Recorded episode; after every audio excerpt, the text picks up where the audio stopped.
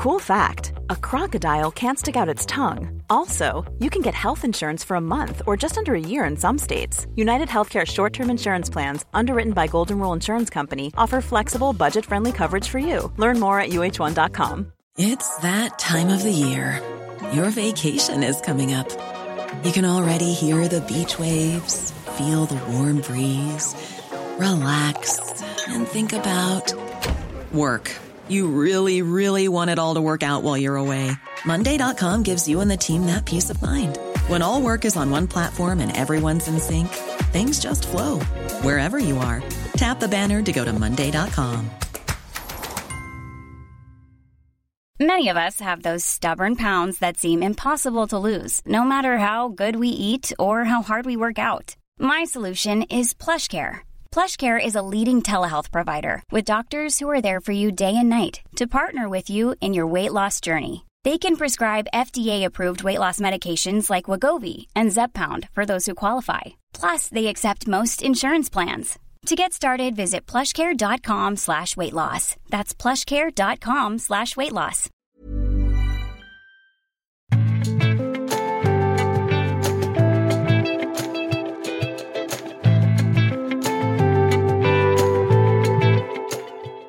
Nok en biskop snur i synet på ekteskapet. Misjonssambandet har fått ny hovedstyreformann. Og hvor kristent er egentlig USA? Hjertelig velkommen til denne ukens episode av Tore og Tarjei. Denne uken sitter jeg, Tarjei Gilje, på kontoret i Bergen. Du, Tore Hjalmar, du er langt vekke. Jeg sitter rett og slett i Fort Worth i Texas. Nesten i Mexico. Ja, det er jo ikke helt så langt sør i Texas, men, eh, men eh, nærmere har jeg aldri eh, vært. Hvordan trives du? Ja, Det er jo veldig interessant og fint å, å være her. Eh, mange inntrykk etter to uker, da. Så nå, eh, nå skal Det er jo som en, en kollega av oss uttrykte det. Det er veldig interessant. Eller journalistikk hadde vært et flott yrke, hadde ikke vært for all skrivinga. så, så nå, nå, skal jo dette her bli tekst, men, men det, det, er jo ei, ei, spennende utfordring og veldig mye som ja, som det går an å skrive om, for å si det sånn. Du sa noe litt artig når vi snakket sammen litt før opptak her, at når du går rundt på, på ettermiddagen og kveldene og har på en måte vært, blitt ferdig med dagens arbeidsøkt, så så er det egentlig ingen å snakke med. Nei, altså amerikanere er jo generelt lette å snakke med, men jeg har jo ikke folk som jeg kjenner særlig godt her borte. Sånn at um, de er naturlig kunne ha ringt til, eller sånn. De må, bør helst ha noe veldig viktig å, å, å, si til for å ringe, fordi jeg vil vekke dem. og når du er der i et par uker, så det er jo det litt sånn fascinerende for meg opplevelse. Da, dag etter dag så går du der og, og vil gjerne bearbeide dagens inntrykk sammen med noen du kjenner, og så sover de jo. Ja, men, eh, men, det går jo an å gjøre det før en, eh, før en begynner. Så, så, jeg har jo ringt deg og, og flere for så vidt litt tidligere på dag. Ja, det er riktig. Det er riktig, det, er riktig, det altså. Men det var litt fascinerende, syns jeg likevel. Ja, ja da, men det, det, var litt tankevekkende. Du, vi skal, vi skal, få høre litt mer fra USA om litt, men vi begynner eh, eh her eh, hjemme. Og, og, vi kan jo begynne med det nyeste, og det er jo da biskop Ingeborg Midttømme i Møre. Det har jo vært et par saker om hun i det siste. Først skrev jo vi vel før helgen, eller i helgen, om at hun er blitt innvalgt i eh, eksekutivkomiteen, altså hoved, hovedkomiteen, hovedstyret, i eh, Kirkenes verdensråd. Eh, det er jo et, gjevt og sikkert ære ærerikt eh, verv å få, så det er jo hyggelig for hun og for Den norske kirke. Eh, og så kom det frem eh, i går kveld, mandag kveld altså, at at hun har snudd i synet på vigsel av likekjønnede. Det kom opp i forbindelse med at Møre bispedømmeråd diskuterte hvorvidt de skulle spørre om det ved ansettelser til, særlig av prester, og, og, og skal nå slutte med det. Ja, det har jo vært en praksis. Eh, egentlig fra gammelt var, eh, var det vel i alle eh, bispedømmer at det har vært vanlige kirkelige stillinger å stille om spørsmål Eller i utlysningstekst si at det kan bli stilt spørsmål om, om samlivsform. Og så har det forsvunnet i bispedømme etter bispedømme. Nå er det vel bare Stavanger og Møre som har hatt en sånn praksis. Ja, og nå da bare, bare Stavanger. Så. Ja. Og så får vi se hvor lenge det varer der. Men, men nå har Midtømme vært biskop der oppe i, ja, siden 2008 i Møre. Og um, hun har jo vært blant de som har vært eh, relativt altså det, det, er jo ingen som setter veldig på, på spisset av de som har vært biskoper, med at dette her er et, er et spørsmål som er kirkesplittende. Eller, eller, altså det har vært En må ganske, ganske varsomme språkbruk rundt det, eh, også fra de som ikke ønsker å gå inn for, eh, for eh, det nye synet på ekteskapet. Men eh, Midtømme har likevel vært blant de som, som, har vært tydelige på at dette er ikke noe hun eh, har vært overbevist om.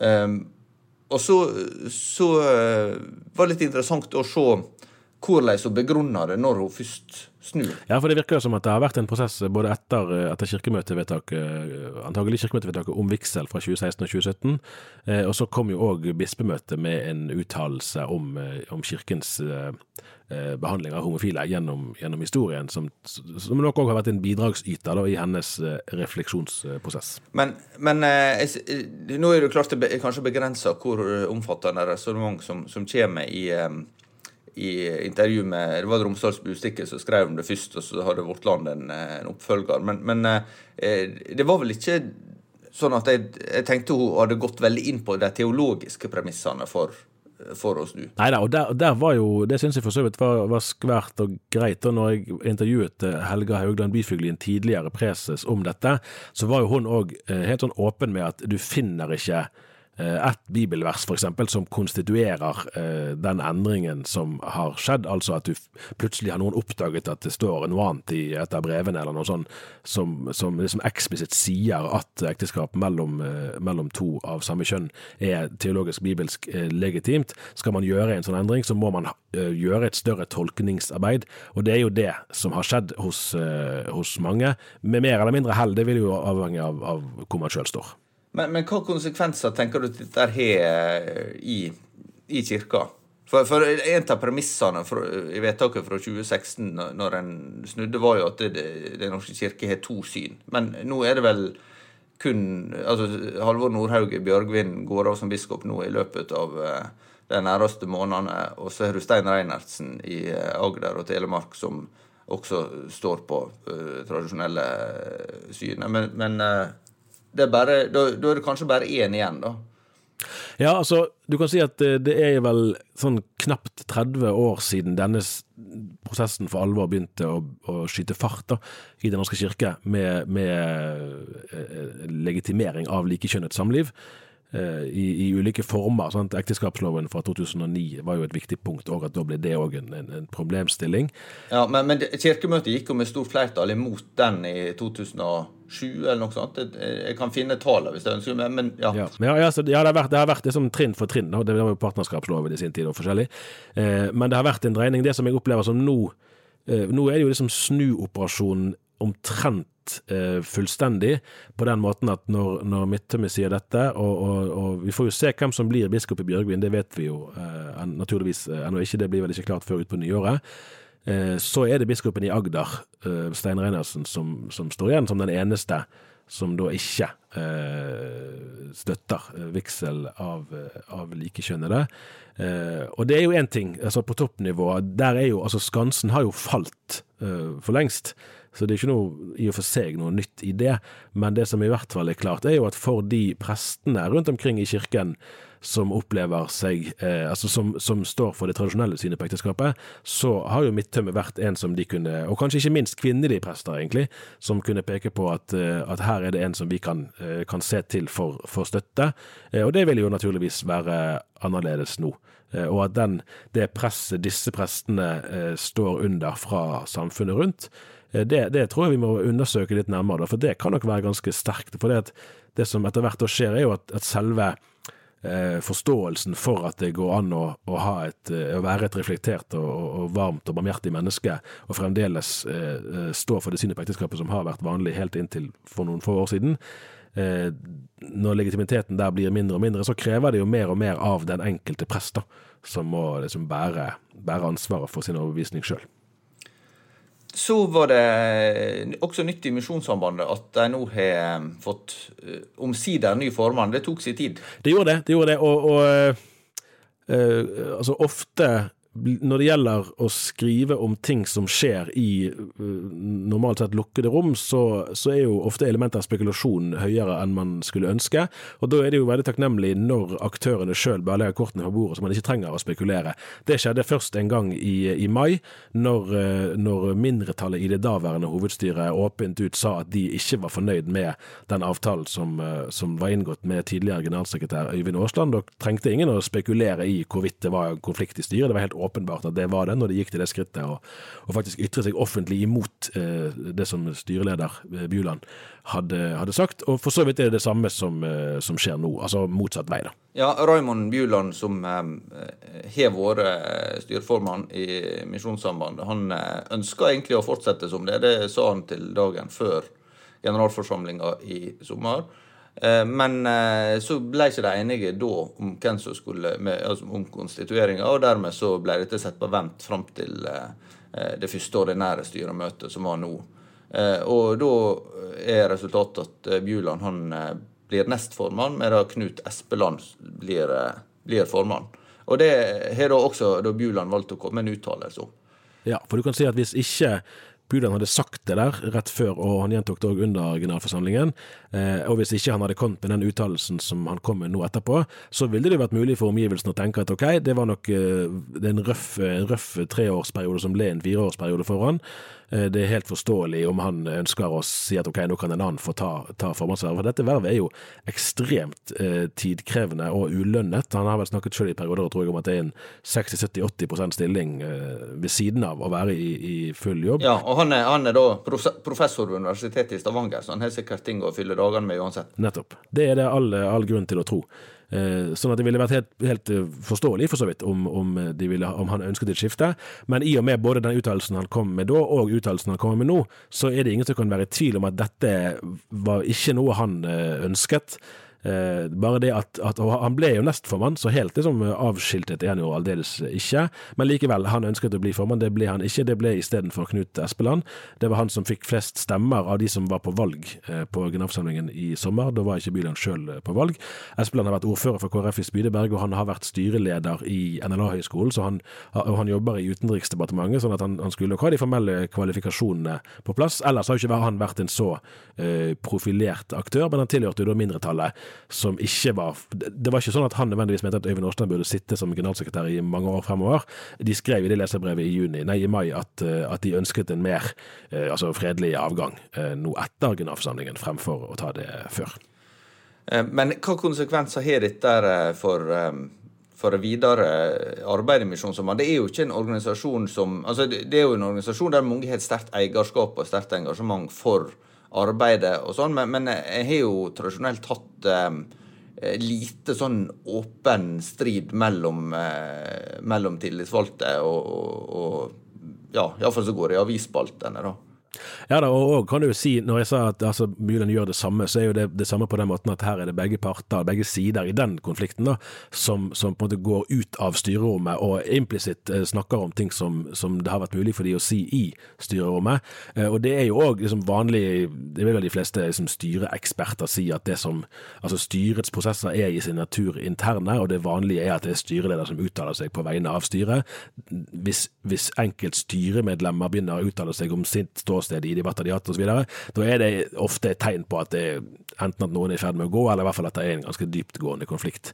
Eh, og Den, den uttalelsen som Byland kom med, er ganske interessant å lese fordi den setter òg ord på En ting er hans egen kandidatur, det, det, er jo så. altså Han sier jo det at misjonsfolkets beste og misjonsorganisasjonens ve og vel har vært hans eh, viktigste eh, anliggende, sånn at det er ikke hovedsaken om, om han er formann eller ikke.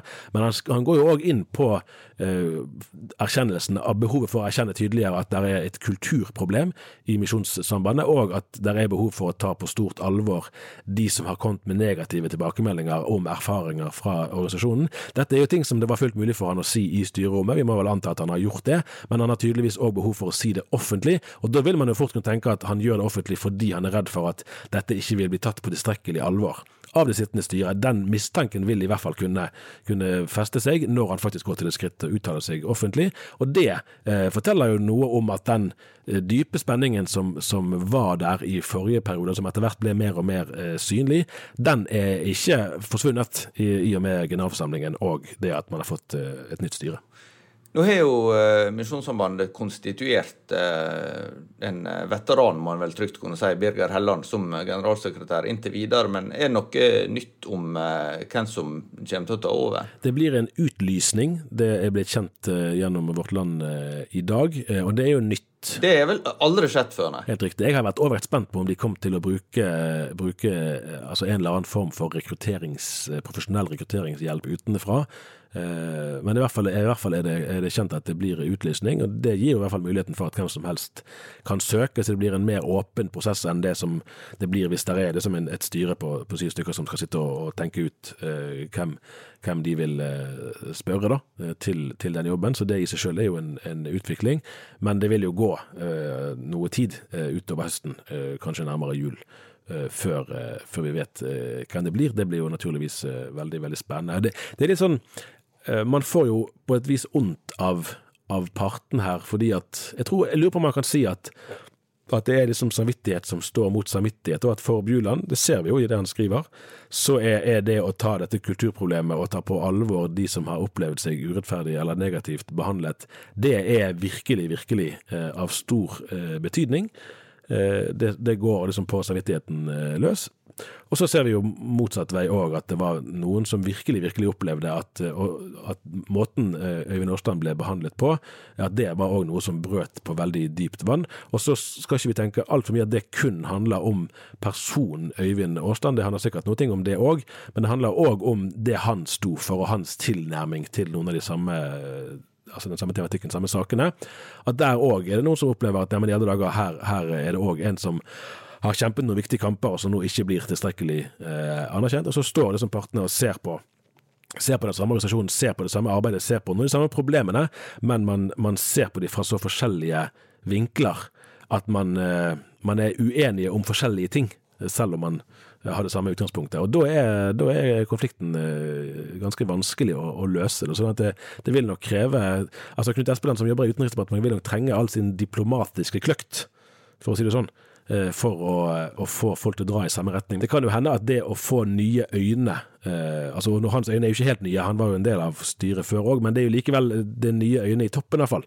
Eh, som skal, eh, skal, se på eh, både forholdet mellom styret og administrasjonen, eh, forholdet til varslerne i det hele tatt, til, til kritikerne rundt der. Ja, Kanskje kan man håpe da, at det blir en bedre dialog som gjør at, eh, at man kan konsentrere mer krefter om å realisere misjonsoppdraget, og, og mindre krefter på, eh, på indre konflikter. Da. Men da, da, tror jeg, vi, da tror jeg vi, vi, snur oppmerksomheten til din side av Atlanterhavet. Ja, det er jeg klar for. det, det, var fint. Det, du, du, liker deg jo Du er jo måtte, altså, Denne podkastens lyttere kan umulig ha unngått å legge, legge merke til at Tor Hjalmar Sævik eh, gjerne snakker varmt om eh, Sunnmøre. Eh, men du liker deg godt eh, utenfor våre hjemlige grenser òg. Hvorfor er du i USA? Jeg har hatt en interesse for, eh, for, USA journalistisk ganske lenge. Sånn, ja eh, I alle fall et tiår, kanskje mer. Eh, og vært her ved flere anledninger og litt forskjellige plasser. Og, og dermed så er det jo sånn at du først begynner å interessere deg for noe, så blir det ofte mer interessant over tid. Og samtidig så er det jo en erkjennelse at uh, mange av våre lesere med har iallfall sine miljø i USA de er interessert i.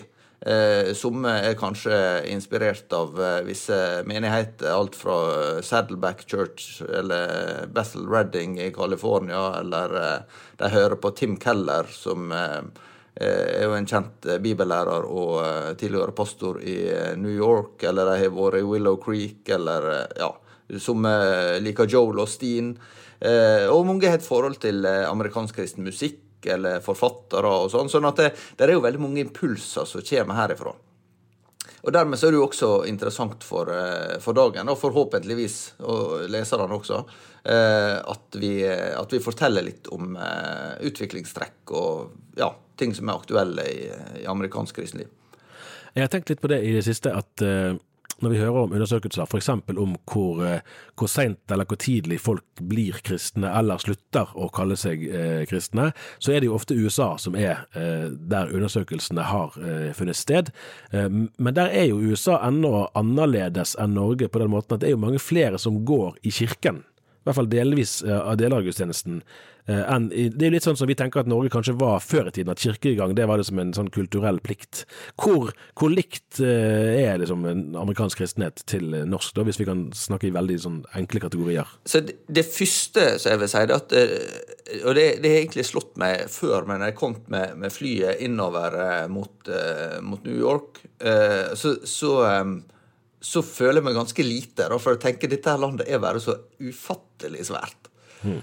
Og, eh, og, eh, det er også da veldig sammensatt, for at det, eh, er svært betydelige kulturelle forskjeller mellom New York, f.eks., som eh, kulturelt er veldig mangfoldig og mye mer kanskje likt europeisk kultur, selv med tanke på religion enn det, det, vi finner her i Texas, f.eks. Så, så det er jo det, det første å være klar over. Særlig bibelbeltet i sørstatene eh, har et mye sterkere innslag av, av kirke og, og kristenliv enn det så du finner noen plass i Europa. Og det er jo helt sånn påfallende når du kjører eh, langs med veiene her, hvor tett kirkene står. Altså her, her på søndag så tror jeg det var ca. to minutter, eller kanskje tre minutter med bil mellom tre forskjellige baptistmenigheter, bare. Eh, så, så da eh, da forstår du at, eh, at, det er en litt annen situasjon, da. Men kjenner du igjen Altså, vi har vært på Flekkerøya, for eksempel. Kjenner du igjen Altså, er det parallelt? Eller på Karmøy? Der er jo visse trekk for, for den som har, har bakgrunn i, i lavkirkelighet og frikirkelighet, så vil det være miljø i USA som en fra gammelt har vært ganske inspirert av. Så, og det merker jeg når jeg snakker med sørstatsbaptister, f.eks., at det er jo ikke vanskelig å finne fellestrekk med, med norsk bedehusliv. Eh, eller ja, tradisjonell frikirkelighet, for så vidt. Eh, og, og pinsebevegelse er jo en amerikansk import. Eh, så, sånn at og, og metodistkirka i Norge kom jo faktisk ikke fra England, der metodismen oppsto, men, men, fra USA. Sånn at det der er flere sånne og, og, en del sunger og en del forkynnere og forfattere, også fra gammelt, ikke bare nå, har jo hatt eh, betydelig innflytelse i Norge. Hvilket inntrykk har du med deg av altså I Norge har vi snakket om statskirken før, og nå folkekirken, eh, og synkende medlemstall. Eh, kanskje en sånn bekymring vi snakket i sted om, om eh, konservative prester som kan føle seg eh, under stadig sterkere press fra omgivelsene. Hvordan, inntrykk har du med deg av, av eh, liksom selvopplevelsen til amerikanske kristne i, i det samfunnet de bor i? På den ene sida så er jo eh, kirkelivet langt mer altså For det første er det et mye større land, og for andre så er det my mye større strukturer når det gjelder kirkelivet. Jeg tenkte, jeg var f.eks. på på en eh, sånn musikkonferanse i, i, Nashville, eh, arrangert av det nordirsk ekteparet Keith og eh, eh Getty, der det var 7000 eh, til, til, stede. og, og Eh, jeg så hvor mange organisasjoner som hadde utstilling der, og forlag, og eh, en kar som hadde startet noe som heter iBible, som hadde dekorert en gedigen buss for at han hadde begynt med sånn visualisering av, av eh, Bibel for eh, ungdom, da særlig. Eh, og, så, og, så, bare slår det meg at her, er så utrolig mye som finnes, eh, og, og, dermed så, så, så blir liksom ikke Altså, en har mye mer å og av ressurser som, som har et betydelig omfang. Men samtidig så er det jo Noe av bakgrunnen for at jeg reiste hit, det var at jeg, jeg søkte på et um, prosjektstøtte fra Fritt Ord, som, som um, har oppretta et uh, sånn journalistisk prosjekt der du kan, der du kan uh, få, få midler til å gjennomføre reportasjereiser f.eks. om tema som har fått lite oppmerksomhet i norsk media. Og det er jo det som også har vært bidratt til at uh, vår gode kollega Kari Fure har reist så mye i Midtøsten som hun har gjort, for det har fått fritt ord-midler til det. Uh, og jeg søkte på et prosjekt om kristne i et mer sekularisert og polarisert USA. Mm. Mm. Og uh, Grunnen etter det er jo at du har sett ganske betydelige endringer i amerikansk kultur som er gjenkjennelige fra norsk kultur, men fra et helt annet nivå. da, Der, der kirkene har jo igjen stått mye sterkere. Men du setter særlig med tanke på nominell eh, tilslutning til det å være kristen, så bare fra 2007 til eh, 2020, var det vel, så viser tallene fra Pure Research Center at de har gått ned fra eh, 78 til 62% så vidt jeg husker. Eh, og det er jo ganske et betydelig fall. Og sånn så ILCA, som er vel det en kan kalle søsterkirka til Den norske kirke i USA, eh, som, som, er jo liksom teologisk ganske lik uh, utvikling som det sett Den norske kirke, kanskje en, en hakket mer liberal, nesten. Eh, så så eh, er det jo sånn at Kirkesamfunnet med sine egne framskrivinger stiller spørsmål ved men finnes det i 2050. Eh, hvis, hvis medlemsutviklinga fortsetter som nå. Så, så, det er jo ganske dramatiske trekk. da, og, og, samtidig så, så har jo andre store kirkesamfunn eh, opplevd enten teologiske spenninger, ikke minst igjen rundt det som handler om eh, kjønn, seksualitet, eh, samliv, men, men også om eh, rase og, og, eh, og ja, eh, andre spørsmål. Men, men likevel, da, så, så er det jo et helt annet grunnfjell å snakke om. Så det er at det, der er en del trender, og særlig blant den unge generasjonen, som, som jeg tror vil være veldig utfordrende. Jeg snakka f.eks. med ei familie her i Texas der eh, døtra går på, eh, på, en offentlig skole, og opplever at hun er litt sånn aleine som aktiv kristen der. Og det, og det er liksom Texas. Uh, der, uh, Jeg hørte en forsker for en del år siden som sa at i Texas er alle baptister. Ja, katolikkene er baptister. Til og med, ja. med ateistene er baptister. For, for det, liksom, det baptistisk kristendom de ikke tror på. Akkurat. Ja, er, er, det særlig ett er det et sånn annet møte med et menneske eller med en familie eller et eller annet sånt som du som akkurat sånn umiddelbart liksom, som, som, du husker særlig godt? Det er, det er, litt vanskelig å velge, for jeg har møtt veldig mange interessante mennesker i helt sånn forskjellige sammenhenger. Men, men, jeg kan jo for eksempel nevne Jeg så også jeg kommer til å skrive litt, litt omfattende om det. Slett en trend med at en del kristne flytter fra liberale delstater til konservative. Eh, og, det, det, finnes til og med en egen, et nettverk for boligformidlere som heter Conservative Move. Som, eh, som eh, hjelper folk med å flytte fra f.eks. California og New York til Texas eller Nashville, nei, Tennessee eller lignende delstater. da. så, så det er jo én ting. Og så, og så, var jeg på, på denne musikkonferansen til til familien Getty, må jeg vel nesten si. De har også med barna sine og, og synger en del, og samarbeider med masse andre eh, artister. Og, og, når du liksom er et rom der det er 7000 mennesker som, som synger i lag a cappella Og de har jo også veldig variert musikk, alt fra keltisk inspirerte, mer sånn moderne eh, visepop til eh, gospel til jazz til eh, latin til, ja, det, Så er det veldig mye forskjellig. Men, men når musikk er stilna, da, og, og 7000 kristne synger i lag, så, så er det et sånn sterkt øyeblikk. Er de, eh, er de eh, republikanere, hele gjengen du har møtt?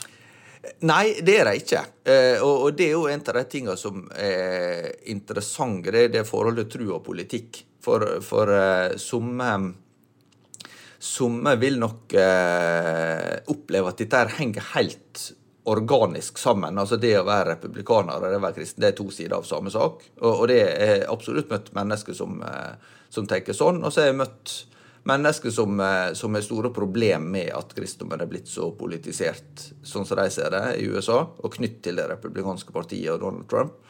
Og så er det andre da som lever i en spenning mellom at de Eh, er teologisk konservative og, og har visse saker der de er enige med den retninga som republikanerne ønsker for det amerikanske samfunnet, men de samtidig har problem med at, at eh, det er andre sider der de kanskje har mer sympati for demokratene sine, sine løsninger.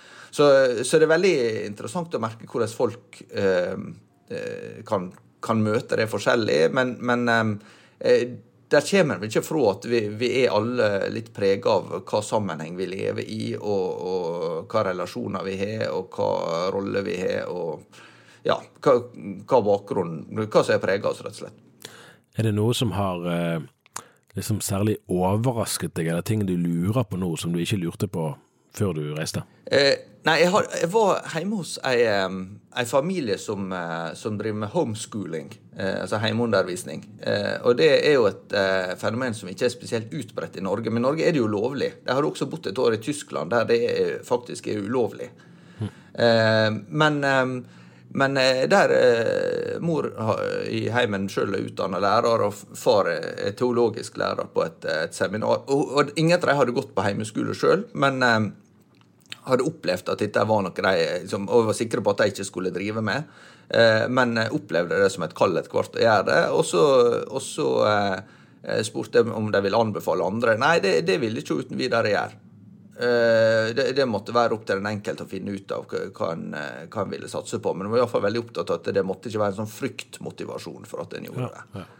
En måtte kjenne at en hadde en positiv motivasjon for å gjøre det. Og, og det er jo et eksempel på at jeg, jeg, tror det er veldig lett for ting som er framant for oss sjøl, så er det lett å, å, karikere hva det egentlig er snakk om. Altså Enten det er snakk om eh, Trump-tilhengere eller, eh, eller eh, Som for mange også norske kristne vil på en måte oppleves å være litt sånn fjernt å kunne være. Altså Hvis en hadde vært i en annen kontekst, så hadde en kanskje iallfall forstått mer, selv om en fortsatt hadde vært uenig. Men, men, men, du ser på en måte at folk lever i en annen sammenheng. Og sammen med at eh, folk som driver med hjemmeundervisning eh, Ja, det, det, er ikke, det, er ikke, nødvendigvis eh, så lett å putte dem i en boks heller.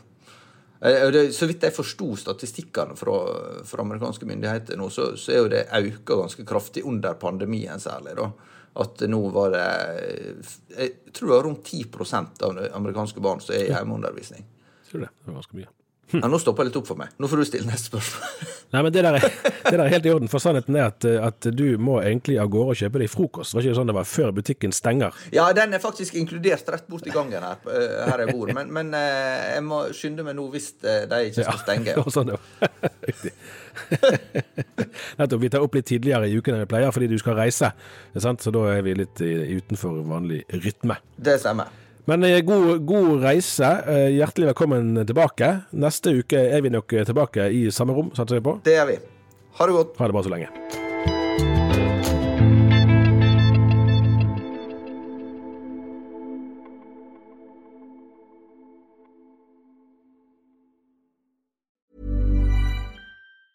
Hey, folks, I'm Mark Marin from the WTF Podcast, and this episode is brought to you by Kleenex Ultra Soft Tissues your ally to help tackle your allergy symptoms this season. I love the change of seasons, but nobody loves pollen and all those other things floating in the air that make you sneeze during this nice weather. Kleenex Ultra Soft tissues are hypoallergenic and allergist approved. So fight back against watery eyes and runny noses without worrying about irritating your skin. For this allergy season, grab Kleenex and face allergies head on.